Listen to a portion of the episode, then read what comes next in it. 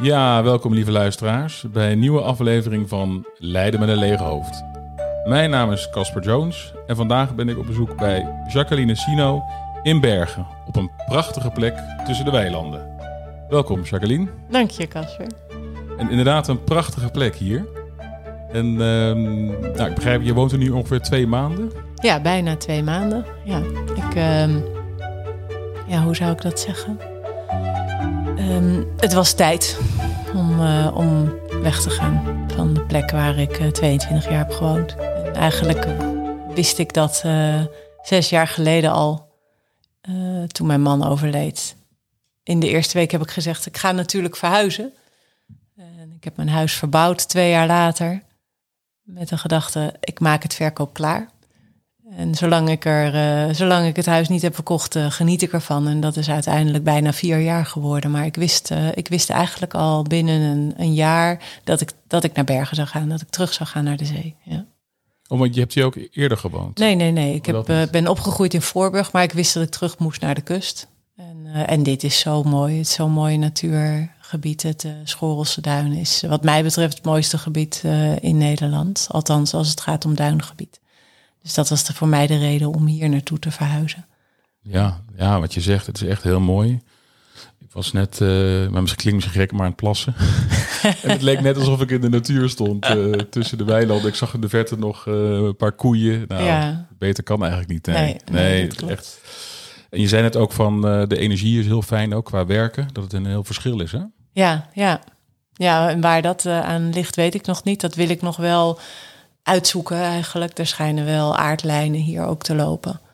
Uh, ik weet in ieder geval in Schorel dat daar uh, sprake is van lijnen vanaf een kerk uh, naar de joert waar ik yogales krijg. Dus ik moet nog even uitzoeken of die lijn doorloopt hier naar mijn plekje, maar dat weet ik niet. Maar het is wel een, een soort van terp hier. Dus het is, ligt wat hoger. En ja, dat ga ik allemaal uitzoeken. Ja. Maar dat het energetisch goed is hier, dat is overduidelijk. Ik voel me hier heel lekker. Ik ben al thuis. Dus uh, ja, ja dat, dat het goed is, dat is, dat is helder. Ja, ja. dat is ook gewoon een gevoel. En dan, ja.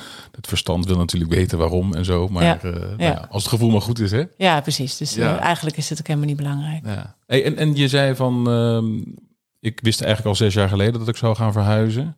En, en wat maakte het dan dat je dat zeg maar nu onlangs hebt gedaan? Uh, nou, de keuze om het nu echt te gaan doen was. Uh, je kan heel lang blijven dromen, maar uh, misschien had je dan ook al vier jaar aan de kust kunnen wonen. Hè? Dus uh, waarom, uh, waarom wacht je nog? ik heb het niet meteen gedaan, omdat ik tegen mezelf heb gezegd. na zo'n levensveranderende gebeurtenis als het verlies van je partner. Een soort van wijsheid. Dan moet je het eerste jaar geen grote beslissingen nemen. En dat deed ik toch. Want uh, na drie maanden besloot ik om te stoppen met het werk wat ik deed. En toen dacht ik, nou, dan houd ik de basis nog maar eventjes aan. dat je niet, alle, niet direct al je pijlers uh, om, omver schopt. En, uh, en dat is goed gebleken. Maar de afgelopen anderhalf jaar voelde ik me steeds meer gevangen in een gouden kooi. En ik voelde dat ik uh, moest losbreken. Ik had, ik had al een moestuin van 240 vierkante meter aan het einde van mijn straat gekregen. En ik betrapte me er zelf op dat ik eigenlijk steeds naar die moestuin ging om in plaats van in de tuin bij mijn huis. Dus ik, ik had gewoon behoefte aan ruimte en vrijheid. En ja, ik moest eruit echt uh, vrijbreken. Ja, ja. Ik kan het niet anders uh, beschrijven. Ja, en, en want wat gaf dat? Gaf het ook te veel herinneringen aan je man? Of, of? Nou, voor een deel denk ik uh, wel. Dus uh, in de eerste jaren was dat goed. Hè? Was dat, voelde dat fijn. Zo van, we hebben hier zoveel samen meegemaakt. Dat is prima om hier te blijven zitten. Geeft een bepaalde veiligheid. Maar het ging inderdaad zich op een gegeven moment tegen me keren. En dat zat niet per se in het huis zelf. Want ik had het huis ook verbouwd. Dus dat was wel eigen geworden. Het zat ook een beetje in... Um, en dat is dan een reflectie natuurlijk hè, in de buitenwereld. Van... Um, Misschien een, een buurvrouw die mij toch heel vaak nog herinnert aan mijn man. Door te zeggen dat ze hem zo mist. En uh, dat ging mij op een gegeven moment tegenstaan. En dat is, uh, dat is niet iets persoonlijks. Dat is meer een reflectie en, en, en dan wordt er dus kennelijk een deel van mij gespiegeld aan mij. Maar het ging me tegenstaan. Ik wilde gewoon verder leven. En dat is ook een van de redenen geweest dat ik mijn, mijn eigen naam weer ben gaan voeren.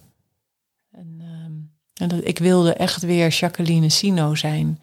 Weten, ontdekken, wie ben ik nou? Hè? Wie ben ik nu ik uh, mijn man heb verloren, nu ik mijn baan niet meer heb, nu ik eigenlijk uh, ja, in die eerste twee jaar aan het reizen ben, zowel reizen in mezelf als fysiek in de buitenwereld, uh, had ik ook echt behoefte om, om terug te gaan naar, uh, naar Jacqueline Sino. Het, uh, het meisje dat uh, ook haar achternaam namelijk voor iets van 13 jaar heeft losgelaten in der jeugd al. Ik heb jarenlang de achternaam van mijn stiefvader gedragen. En daar kwam ik ook niet van los. En dat was niet goed. Dus ik had echt behoefte om, uh, om gewoon weer terug te keren. Ja. ja. ja. Hey, en, en, uh, want, en toen jou, zeg maar, je man overleed, waren jullie uh, gelukkig getrouwd? Ja. En dat was vrij of heel erg plotseling? Ja, heel acuut. Hè? Hij kreeg een hartaanval op de racefiets. Dus hij zegt ja, uit het leven geplukt. Ja, ja, dat is wel, dat was wel heftig. heftig. Ja. ja, was heftig. En toevallig vandaag Niks is toeval natuurlijk. Maar vandaag rijdt zijn fietsclub een uh, memorial ride, noemen ze dat. Dus ik kreeg gisteren een berichtje van een van de fietsjongens. Uh, van uh, dat gaan we morgen doen. Dus ik heb gisteren een videoboodschap ingesproken voor de fietsclub. Ja, dus dat is ook wel bijzonder. Hè? Dat Oh, die fietsclub dan elk jaar uh, rondom 6 december, dat is dan de sterfdag van Martin, dat ze dan een, een um, fietstocht opdragen aan hem. En ze hebben een klein uh, messing plaatje op, de, um, op het viaduct uh, op de A1 tussen Baarn en de polder van Eemnes. Daar hebben ze een klein plaatje op een vangrail geplaatst.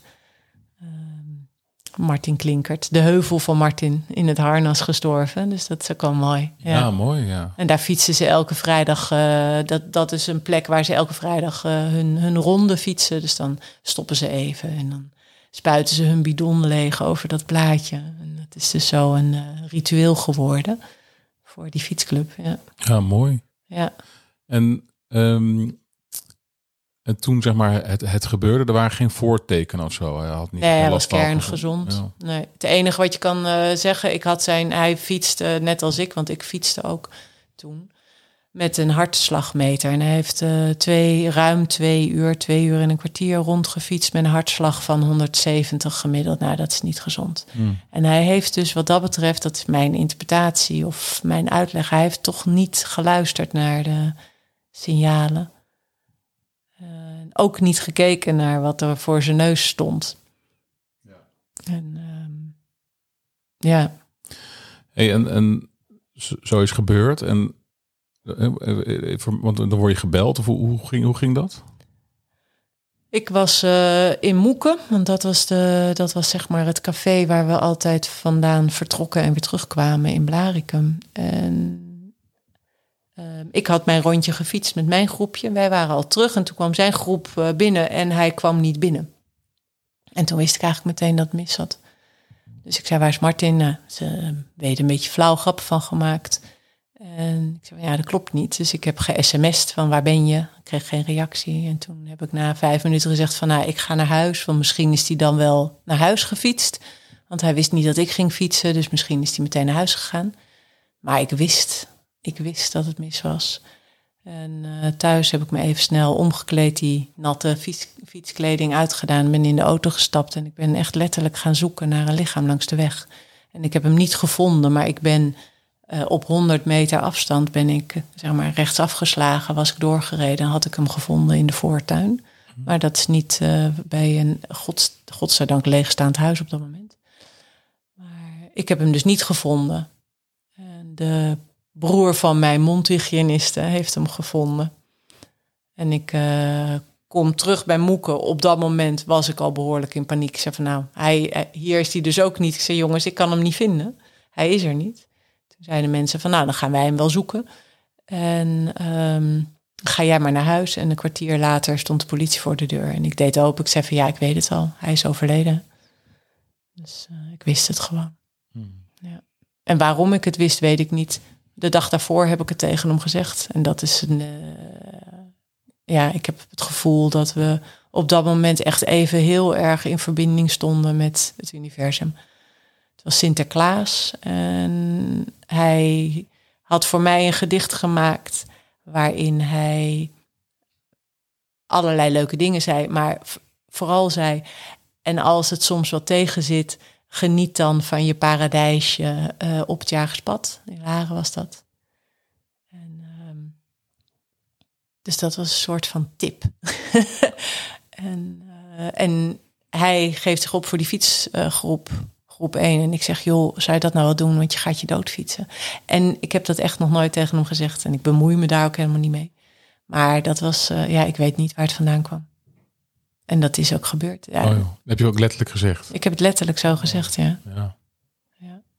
En ik, ik, probeer altijd wel aards te blijven. Hè? Dat uh, niet te veel in het hinein te interpreteren. Maar ja, hier kan ik niet omheen.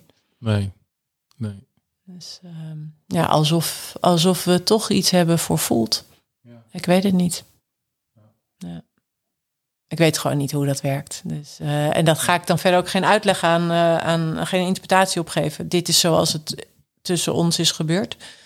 En, um, en dat het zo is gebeurd, geeft ook een bepaalde rust. Nu, hè, achteraf. Uh, dat je dan kan zeggen van ja, kennelijk zit er sta je zo in verbinding. Ja, een soort hogere krachten aan het spel ook, hè? Ja. ja. ja. Hey, en, en, en ook, ja, nou, heftig. ja, ja, ja, ja. Maar gelukkig, weet je, nu is het zes jaar geleden. Ja. En het heeft... Uh, ik had direct door van, oh, dat betekent dat er voor mij een deel 2 is. Want ik ben nog zo jong, ik was 47. En ik heb denk ik uh, de juiste keuze gemaakt. Hè. Het heeft, het heeft uh, voor mij was het, um, het heeft voor mij een deur geopend.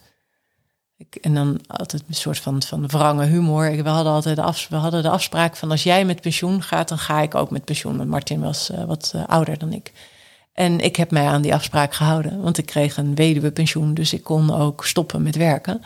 En dat heb ik ook gedaan. En daardoor kon ik de wens die ik had, dat ik yoga een belangrijkere plek in mijn leven kon geven en dat ik dat ook kon gaan delen met anderen, die kon ik daardoor realiseren. En ik heb vervolgens, omdat ik zelf uh, er tegenaan liep in mijn eigen rouwproces, dat, dat er ja, dingen ontbraken, ben ik begonnen met dat rouwen met yoga. En ja, heb ik nu volgende week een weekend retraite met uh, twaalf mooie vrouwen. Die allemaal hun eigen verlies uh, hebben uh, ervaren. En ja, bij mij komen om te kijken hoe kan je nou toch ten volle leven met gemis. En dat te mogen doorgeven. Dat er, hè, dat er na een levensveranderende gebeurtenis nog steeds een reden is waarom jij hier op deze aarde bent. En hoe je daar met dat, uh, met dat ver, verlies en met dat gemis, hoe je toch ja, betekenis kan geven aan je eigen leven.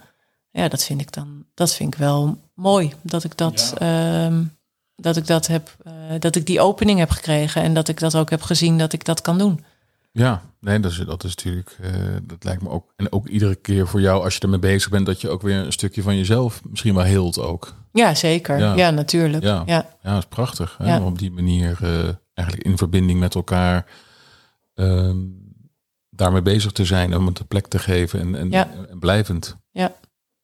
Hey, en uh, je, want je vertelde net dat je drie maanden nadat Martin was overleden, heb je je baan opgezegd. Je had ja. een goede baan. En dat is overigens, daar ken ik jou ook ja, van. Ja, zo kennen wij elkaar. Bij de, jij zat bij de FBN, dus jij gaf uh, colleges. En, uh, en ik was uh, een van jouw studenten, zeg maar. Ja, hè? Dus, dus daar, daar ken ik jou ook van.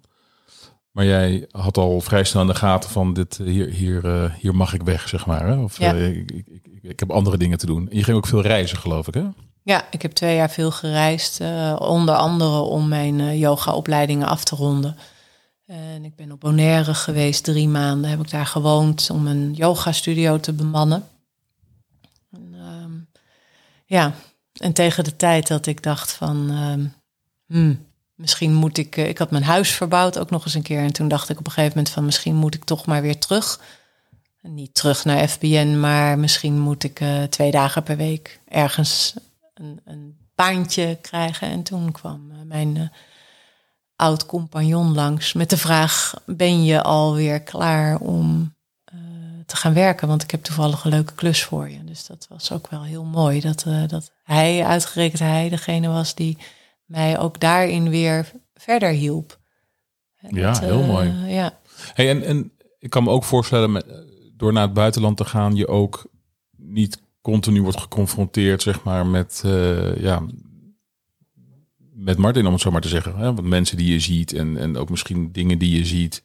Ja, dat is niet waar. Nee? nee? Nee, want het zit in je. Dus je neemt dat verlies overal mee. Dus dat, uh, dat reizen zou natuurlijk wel als een afleiding uh, kunnen werken. Ik weet niet, hè, voor mij was dat in ieder geval... Nou ja, voor een deel heeft het misschien wel als een afleiding gewerkt. Maar ik ben eerst, uh, ik ben een tijd ook uh, op de plek geweest uh, in, op Kreta bij mijn Ashtanga yoga docenten, waar Martin en ik juist samen ook een aantal keren waren geweest.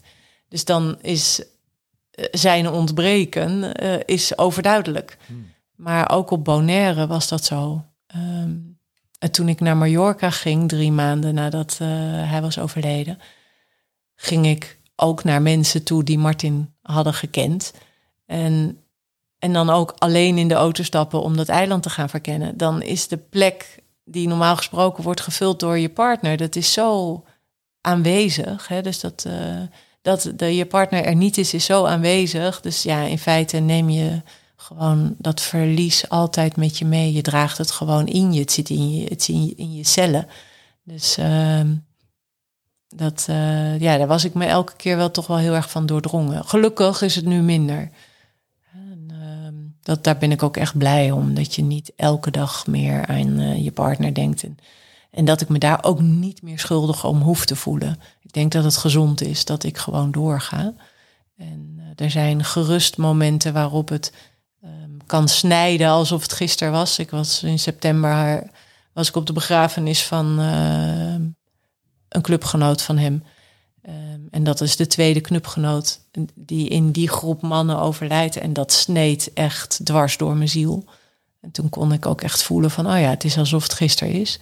Maar gelukkig uh, op, uh, ja, op andere dagen kan ik gewoon wakker worden en de tuin induiken. En ja, helemaal niet aan hem denken. En ik denk dat dat gezond is. Ja, ja. Ja, dat lijkt mij ook. Ja, uiteindelijk moet je moet ook gewoon door, uiteraard. Ja. Hè? Ik bedoel, ja. Ja, ik kan wel blijven hangen, Ja. maar daar uh, wordt helemaal niemand beter van. Nee. En het past dus kennelijk niet bij mij. Dus uh, ergens zit dat levensvuur dat nog steeds door wil. En dat, en dat vind ik wel bijzonder, want ik heb ook uh, na twee jaar heb ik echt, ben ik echt wel, nou, heel, had ik ik, zou, ik, ik wil niet zeggen ben ik depressief geweest, maar het, ik zat gewoon nog vol in het rouwproces hoogstwaarschijnlijk. Maar ik, ik, had echt het gevoel van, nou ja, ik zit op de bodem van de put. Ik zie de bodem van de put.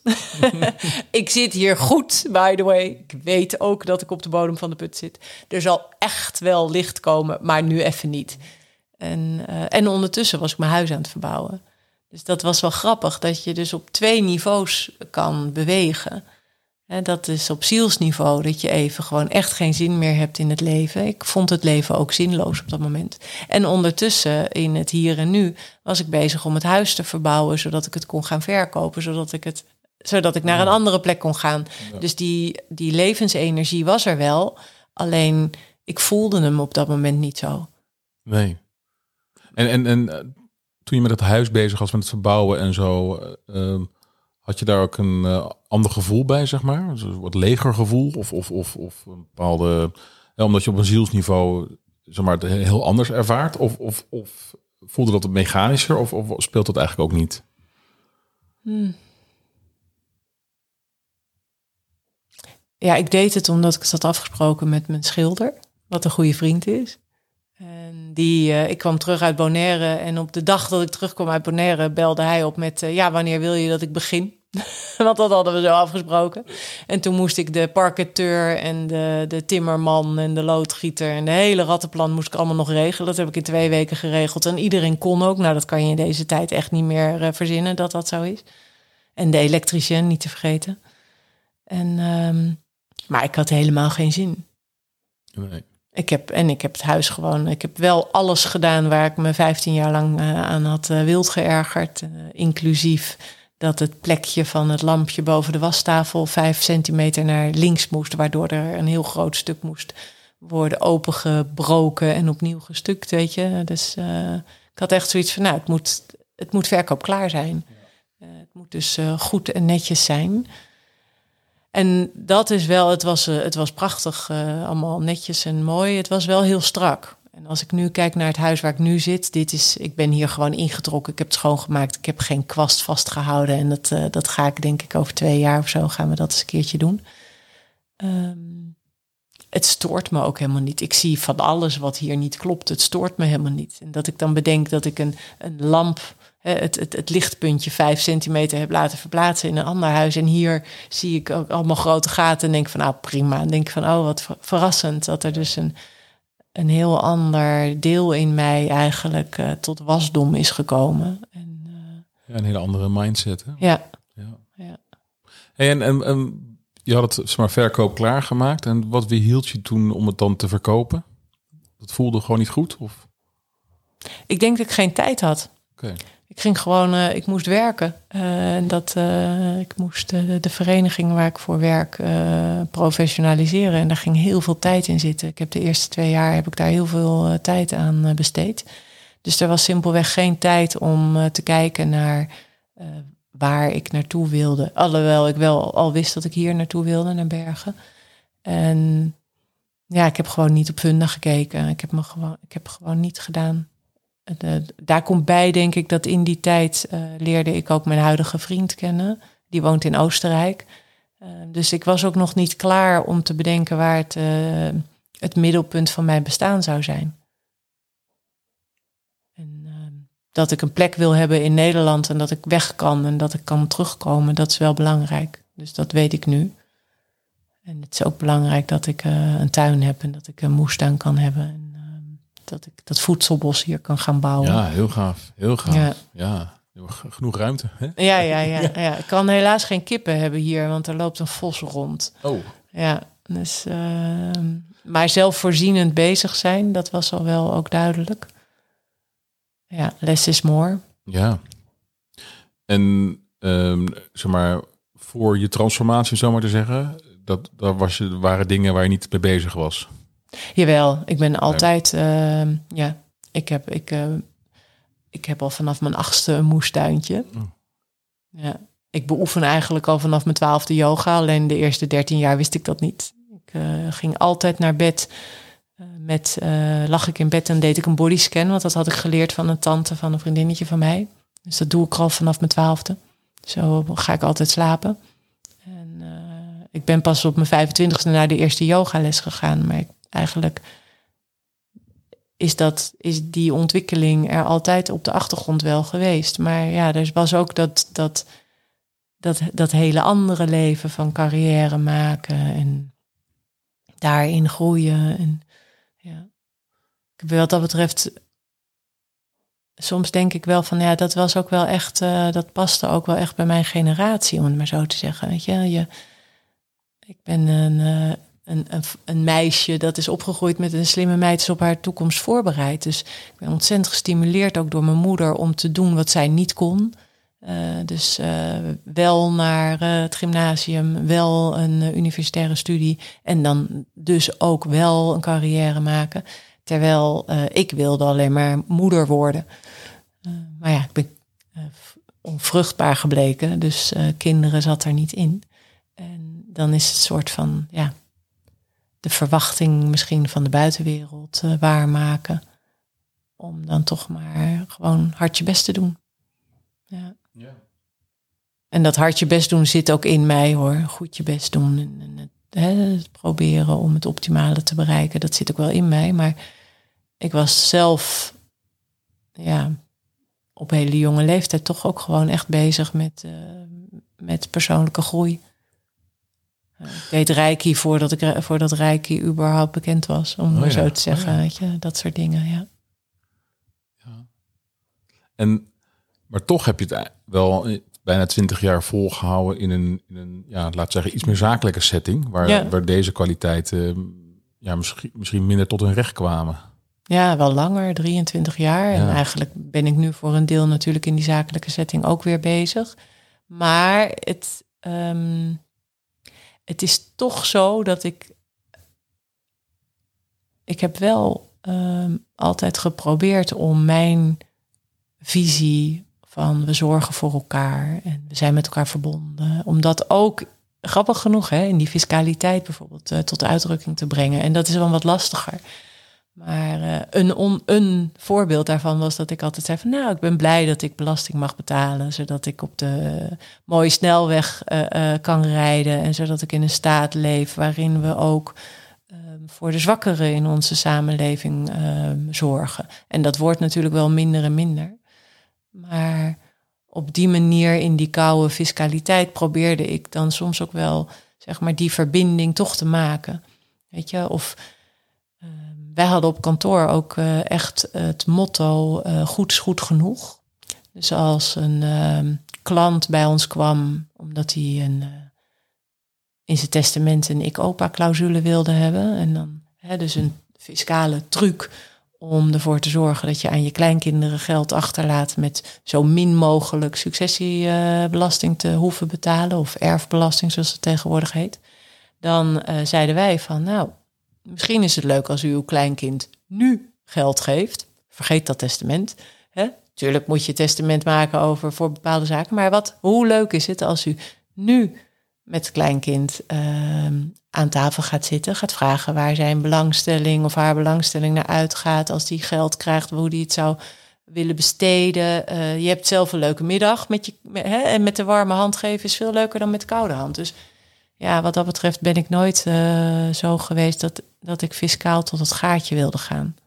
Wel, als je dat zou willen, wel geadviseerd, maar altijd vertellen hoe het ook kan. Ja, ja, en meer in verbinding eigenlijk. Ja. ja. Ja. ja.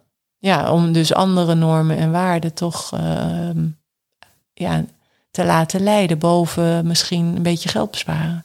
Ja. Hey, en, en wat je net vertelde is dat je uh, nu dus uh, rauwe retretes doet, noem je dat ja. zo? Ja, je zou het zo kunnen noemen. Eigenlijk wat ik, uh, wat ik zelf zeg is uh, dat de retraite gaat over leven. Ik ga niet met je meelijden. Ik ga met je meeleven. Daar is een, dat is een essentieel verschil. En dus waar het mij om gaat is hoe leef je ten volle? Hoe leef je weer ten volle nu dat gemis je zo raakt? Nu je zo door verlies veranderd bent? Wie ben ik nu? En kan ik weer contact maken met mijn levensvuur? Of is dat volledig gedoofd? En, en dat is wat ik graag meegeef aan mensen. Dus wat ik doe is dat ik een, een weekend organiseer met yoga en meditatie. Vooral in zachtheid. Dus veiligheid, um, jezelf voeden op fysiek, emotioneel, mentaal, spiritueel niveau. Dat is van belang in het weekend. Jezelf koesteren. En dat je even in die warme deken van, van compassie en geborgenheid je kan wentelen, zodat je tot rust kan komen. En dat je ruimte kan gaan creëren in je om, nou, voor sommigen het verdriet aan te raken wat nog aangeraakt mag worden. Voor anderen um, de levensvreugde te zien die er in de kiem nog steeds zit, maar waar ik misschien vanwege schuld of schaamte niet meer naartoe durf te gaan. Um, dus op die manier mensen laten ervaren dat er, ja, dat er toch nog meer is. Um, en dat is heel persoonlijk natuurlijk. Dus, en het, betekent dat rouw wordt aangeraakt. Want ik zeg tegen mensen, je mag bij mij komen met je verlies en met je gemis. Dus dat betekent dat de mensen die komen, dat ze een, in een rouwproces zitten of een rouwproces hebben doorgemaakt en dat ze al wat verder zijn. Het, is, uh, het varieert. Soms zijn er mensen die uh, twee maanden geleden ehm, een kindje dood op de wereld hebben gebracht. En soms uh, is er een vrouw die zes jaar geleden haar man heeft verloren. Weet je, dus het, is, het, het varieert enorm. De leeftijd varieert ook. Het, het gaat echt van 25 naar 75. Vooral vrouwen. Mannen komen ook bij mij, maar die komen eigenlijk altijd voor één op één begeleiding. Dus voor de man is het kennelijk wat lastiger om in zo'n groep te komen. Maar het is heel gevarieerd en het is grappig um, dat mensen ook zeggen: Oh, ik heb er echt zin in. En die dan zeggen: Dat is, dat is macaber. Hè? Ik zeg dat ik zin heb in een rouwretraite, maar ik heb er echt zin in. En, en daar zit volgens mij de, de, de kracht zit hem erin dat het dus over het leven gaat, over jou, over jouw leven. Ja. Wat doet het met jou? Eigenlijk ook een stuk uh, compassie voor jezelf hebben. Ja, 100 procent. Gaat het, over. het gaat over zelfcompassie. Ja. ja. Hey, en en ik, ik heb zelf niet ervaring met verlies dichtbij. Maar um, althans geen uh, dierbare, om zo maar te zeggen. Maar wat ik me afvraag is. Ja, want inderdaad, hoe ga je dan, dan daarmee om? Het, en dat verschilt natuurlijk per persoon, uiteraard. Ja. Alleen op een gegeven moment uh, wat je net al een beetje omschreef, hè, dat dan, dan, ga je alleen in de auto zitten. Dus allerlei patronen waar je ook aan gewend bent, die, die vallen in één keer weg. Dus, dus, dus naast zeg maar de persoon die wegvalt, vallen ook allerlei, ja, laat zeggen, patronen weg waar je in zit. Ja. Die uiteraard aan de, aan de persoon zijn gekoppeld. Maar um, ja, ik, ik zeg wel eens van. Um, um, mijn ouders leven al bij nog. Maar ik kan me nu al heel goed invoelen dat als mijn moeder of vader zou overlijden, dat niet alleen de mens overlijdt, maar ook zou leggen het instituut. Snap je? Van vader of moeder. Ja. En dat maakt dan dat ik dan uh, ja, uh, weer als het ware een beetje opschuif in mijn aardse ja. leven. Ja. En is dan een, een, manier om wel gewoon die pijn aan te kijken en te blijven kijken? Of is dat te, te overweldigend? Of? Ja, het is wel wat ik heb gedaan. Um, en ik denk dat uh, het is een rouwproces is, is heel persoonlijk en heel uniek. En natuurlijk uh, is er sprake van, uh, kan er sprake zijn van gestolde rouw, hè, vastzittende rouw. Ik heb dat in mijn, bij mijn eigen moeder heb ik dat gezien. Omdat haar moeder is overleden. Overigens aan een hartaanval op de fiets. Toen ze 56 was, vlak voordat ik werd geboren. Dus ik heb dat eh, als kleine foetus, heb ik dat zeg maar meegemaakt. Ja. Um, bizar verhaal natuurlijk, omdat ja. mijn man dan op dezelfde manier overlijdt.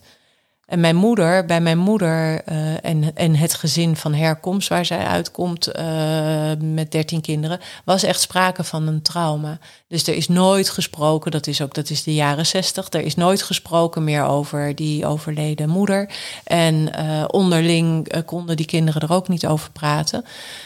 Dus, de, dus er kan wel degelijk sprake zijn van een ziekmakende rouwsituatie.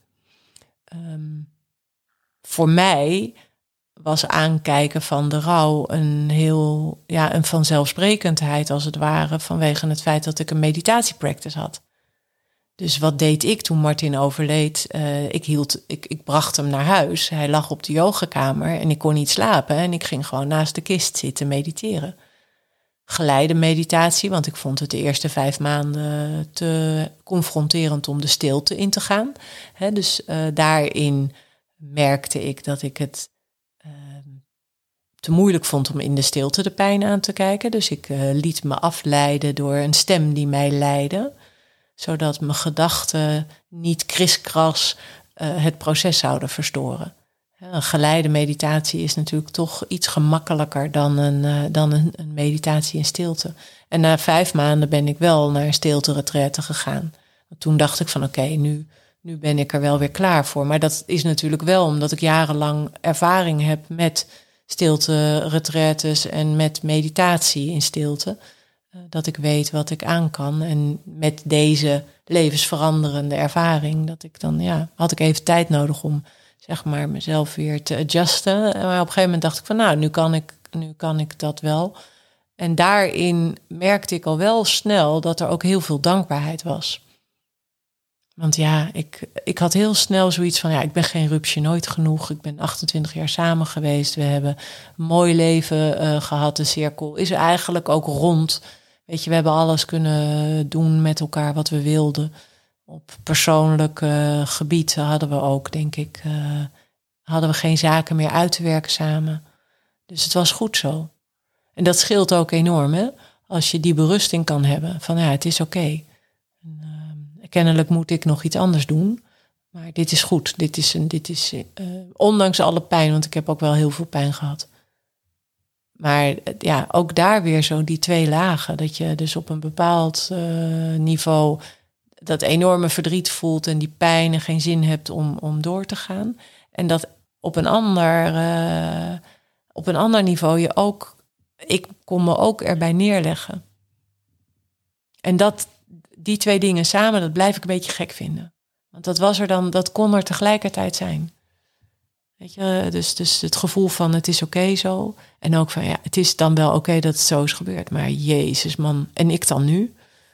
Ik had ook echt paniek dat ik dacht van ja, ik dacht dat ik zelfstandig uh, onafhankelijke vrouw was. Maar nu mijn partner er niet meer is, denk ik van holy shit, hoe ga ik dit doen? Ja, volgens mij is het, is het ook van als een soort polariteit in jezelf is, om daar ook gewoon bij te blijven. En daar ook eigenlijk niks aan te willen doen, maar het gewoon maar aan te kijken. Ja. Dat dat al heel erg uh, helend werkt eigenlijk. Ja, dat klopt. Bernie Clark is een uh, zenmeester, um, Amerikaan. En die heeft uh, boek geschreven, Bearing Witness. En dat gaat, oh, hij neemt een groep mee naar Auschwitz. En daar um, daar mediteren zij. Hè? Daar, daar is de, medi de meditatieretraite. Puur, hè? dus waarnemen wat daar is. Hè? Getuigen zijn van wat zich daar heeft afgespeeld. En hij verloor zijn partner. En uh, beschrijft in een artikel dan ook wat hij deed. En dat was wat hij deed. Alleen maar waarnemen wat, waar hij van, van moment tot moment aan denkt waar hij is. Hij zegt, hij beschrijft het als het was alsof, uh, alsof ik dook in mijn partner. Dus ik, ik, ik, werd een, ik werd haar. Dus ik werd een soort van, ja, een soort van, van, van fusie van twee mensen. En voor mij, ik beschrijf het op een andere manier, maar ik heb het gevoel dat uh, we waren zo verstrengeld. Hè? Het zijn twee bomen die in één zijn gegroeid en die worden uit elkaar gehaald. En dan worden die wortels worden losgescheurd van elkaar, omdat het ook zo onverwacht gebeurt. En dat laat dus dat laat sporen na. En die moeten helen. En daar heb je tijd voor nodig. En voor mij, ik uh, kan nu zeggen dat ik uh, goed functioneer. Ik weet dat ik eh, twee jaar geleden ook nog best wel een, een terugslag heb gehad. dus dat was vier jaar nadat het overlijden van mijn man was. Maar de afgelopen twee jaar heb ik mijn, mijn basis wel echt gevonden in mezelf. En dat is een enorme zoektocht geweest. Dat je, dat je, ja, dat je weet van, oh ja, ik kan het niet buiten me leggen. Het moet, moet echt in mij zijn. Dat moet voldoende zijn. En vandaar mag de liefde stromen en dan, dan kan ik het ook delen. Ja. ja. En als je met deze inzichten en kennis en wijsheid terugkijkt dan naar je relatie, had je, zou je dan die relatie anders insteken vanuit, jou, vanuit jezelf bekeken? Nou, ik heb het gevoel dat het met name het. Uh, we hebben best het een en ander met elkaar meegemaakt. Uh, we hebben samen hebben we meegemaakt dat we, dat we een onvervulde kinderwens uh, hadden. Um, dus dat, dat was al was best wel. Dat was mijn eerste rouwproces, zeg maar. Mijn eerste bewuste rouwproces. Vervolgens is in de vijf jaar voordat Martin overleed, zijn er veel overlijdens in zijn uh, familie geweest. Zijn zus en zijn moeder zijn overleden. De, de partner van zijn jongste zus is overleden. Dus we hebben in vijf jaar tijd hebben we heel veel verlies gehad in de familie. En in het jaar dat Martin overleed, um, in, aan het begin van het jaar brak een, een goede vriend van ons rug. En die raakte uh, dus vanaf, vanaf zijn middel verlamd. En dat heeft voor ons echt, uh, die gebeurtenis heeft heeft voor ons, heeft ons enorm samengebracht. Dus we hebben in dat jaar hebben we, ja, hebben we eigenlijk zo in verbinding geleefd.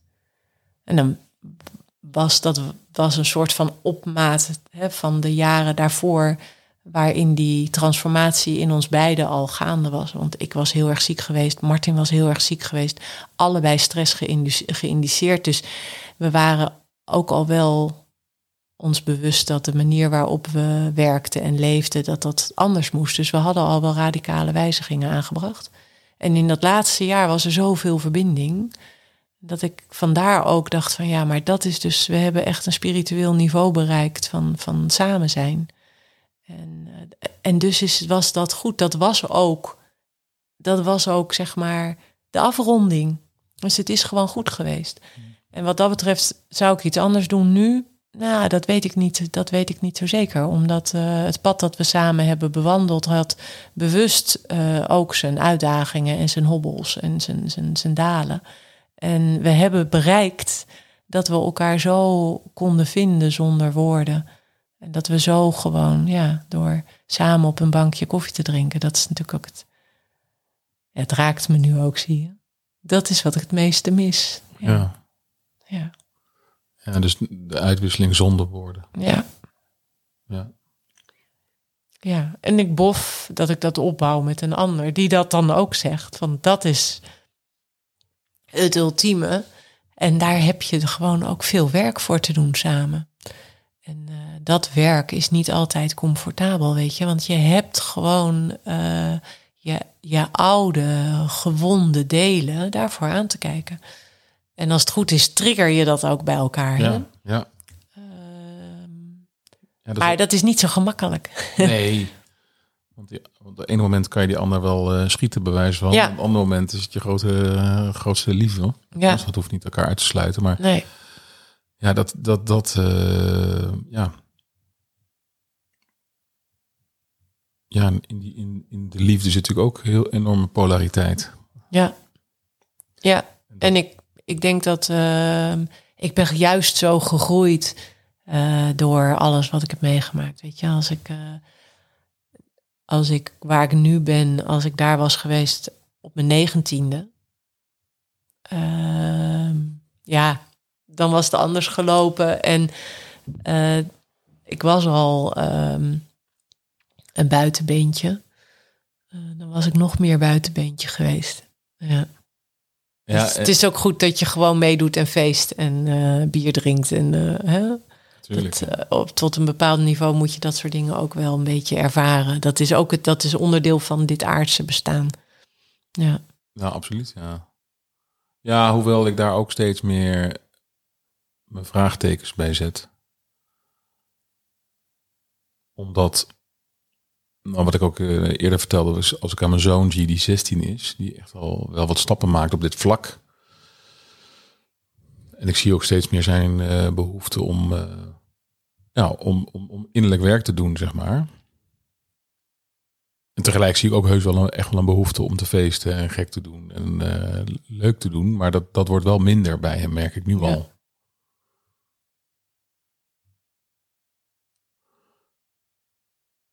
En ik, ik vraag me af of hoe ik het voor mezelf zie, is dat ik. Uh, ik heb heel veel gefeest en gedaan. En uh, echt mijn aardse bestaan uh, in, tot in de volle glorie Hmm.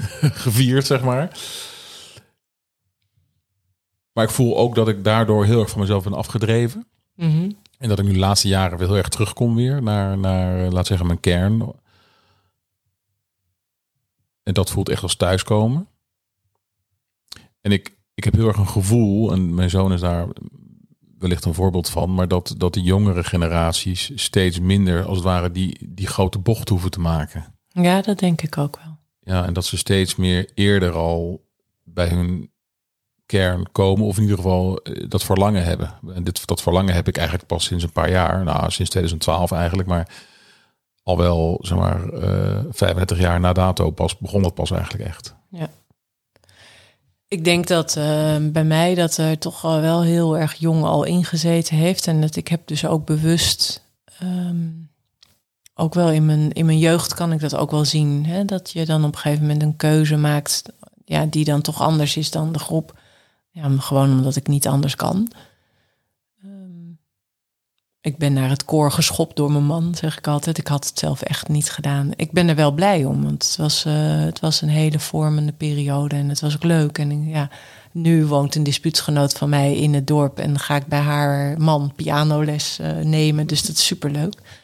Dat zou ik anders natuurlijk niet hebben gedaan. Uh, maar ja, je bent al. Dus voor mij was het goed. Dat, dat, voor mij was het goed om toch dat stuk wel te hebben, omdat ik al, al zo. Ja. Zo aan het zweven was, zei mijn man dan. Dus die heeft me de eerste paar jaar heeft hij ook echt. Het voelt ook zo dat hij me aan de teugels naar beneden heeft ge, gehaald. En toen ik op mijn 28ste rijke aan het doen was, toen heeft hij het echt, heeft hij denk ik het wel geknepen van waar gaat ze in godsnaam heen. Ja. Ik zeg ook altijd, hij, hij heeft me verlaten op het moment dat ik het alleen kon. Ja. Ja. Dus hij heeft je leren aarden. Ja, hij heeft mij leren aarden, ja. ja. Ja, in het voorgesprek zei we het eigenlijk al. De spiritualiteit gaat heel gaat, ja, is eigenlijk gaat over alles over aarde. Ja, je moet eh, in verbinding zijn tussen eh, hemel en aarde. Weet je, ja, ik, ik ben ervan overtuigd dat je een kanaal bent waardoor de universele energie stroomt. Maar als je geen contact hebt met de aarde, dan kan die, dan kan die, dan kan het niet stromen. Dan kan die energie niet stromen door je. Je moet, tenminste, dat denk ik het enige wat ik hoef te doen is dat ik uh, ervoor moet zorgen dat ik schoon ben, zodat die energie zich kan manifesteren door mij heen. Ja, ja In welke vorm dat dan ook is hoor. Ja, zeg je mooi, maar zo, zo zie ik het ook hoor. Ja. En ik merk ook van hoe meer, uh, hoe meer ik uh, kan dalen in mijn lichaam, hoe meer verbonden ik me voel eigenlijk. En verbinding met mezelf, maar ook met mijn omgeving, maar ook met het goddelijke, of hoe je het ook Ja. wil noemen, met de bron. Ja. Dus het is eigenlijk heel paradoxaal. ja, en als je dus gaat drinken, dan eh, ben je niet schoon en dan kan die energie niet stromen. Nee. Nee, dus dat, hè, dus wat dat betreft heb je dat, eh, heb je dat niet nodig. Hè? En dat feesten brengt dus eh, daarmee brengt je dus inderdaad verder van je kern af. Ja, wat Ja. ik denk niet per, defini- per definitie slecht is. Want, Nee, kijk, nee. Want, want bijvoorbeeld wat jij nu als hele heftige ervaring hebt meegemaakt, dat maakt dat jij nu heel veel kan betekenen voor andere mensen in een, in een rouwproces. Dus die, die ervaring eh, ja, is, is ook een soort brandstof voor jou om, Ja. om anderen te helpen, te faciliteren.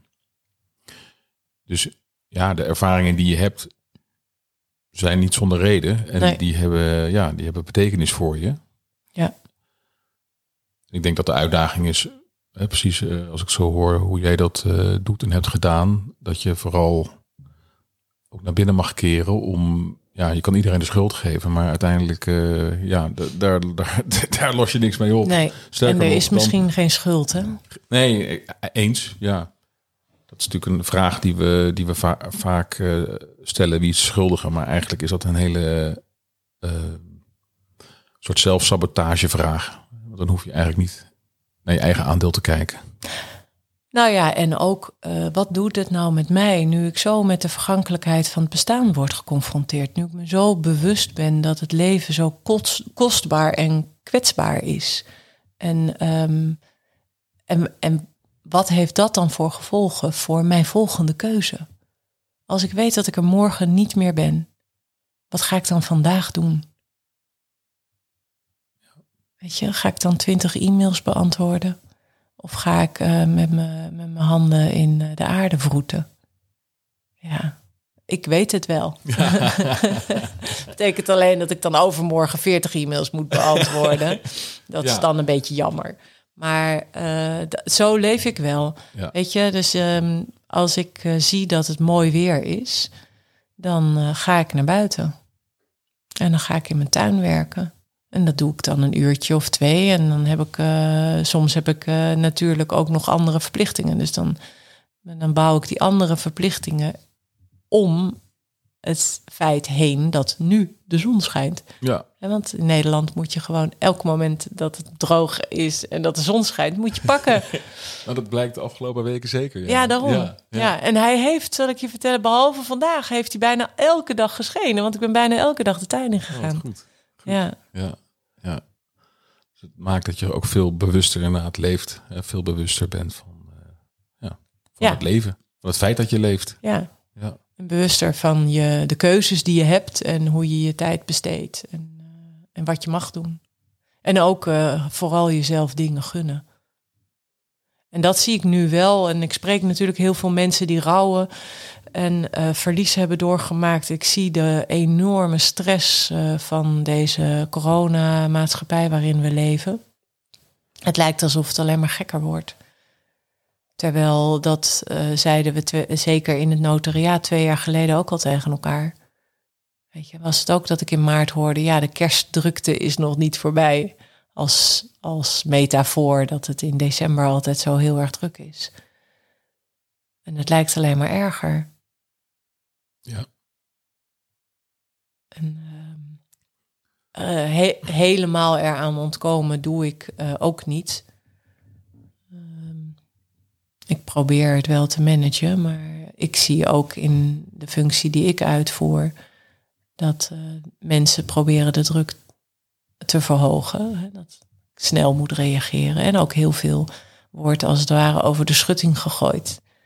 Als ik een eh, ja, als dat mensen zo druk zijn dat ze dan hun probleem bij mij neerleggen, dan kan jij het oplossen. Dat eh, doe ik niet, maar.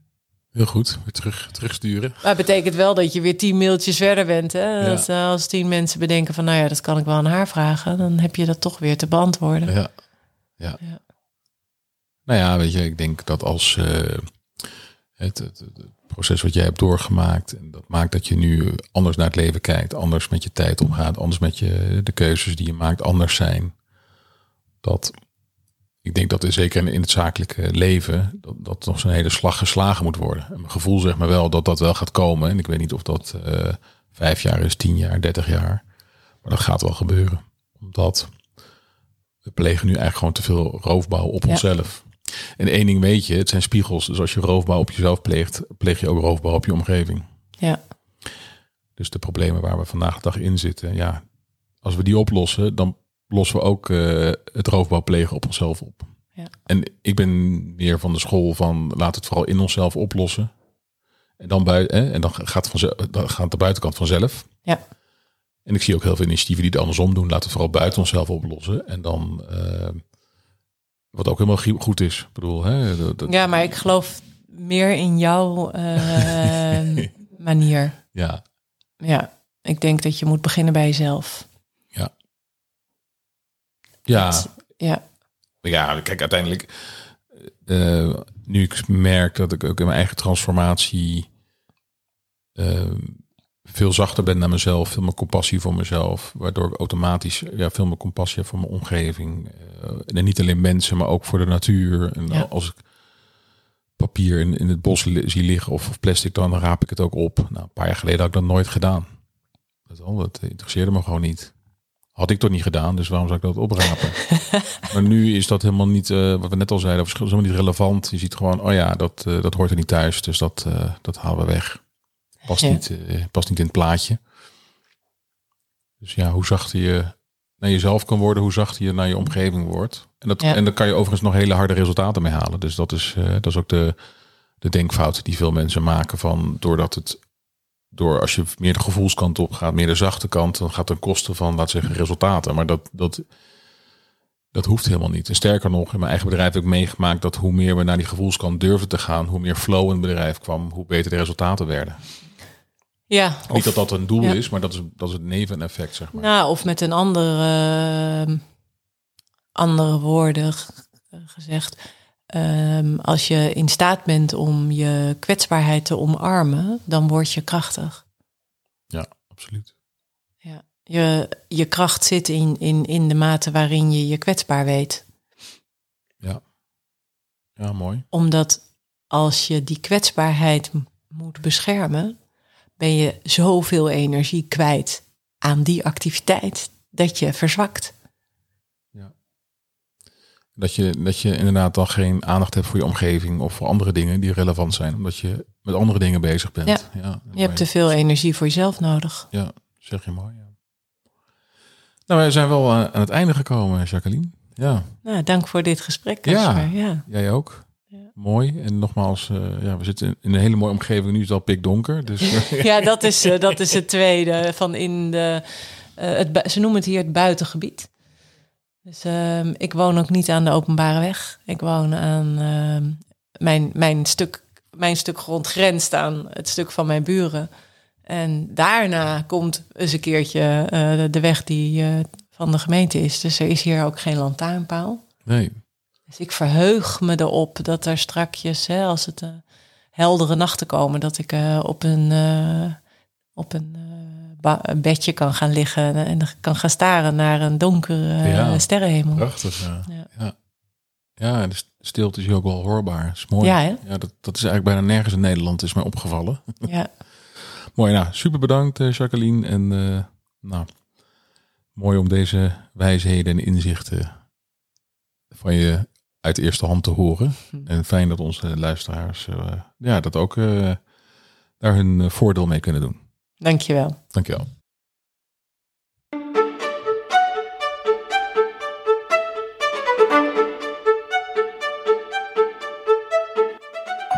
Ja, lieve mensen.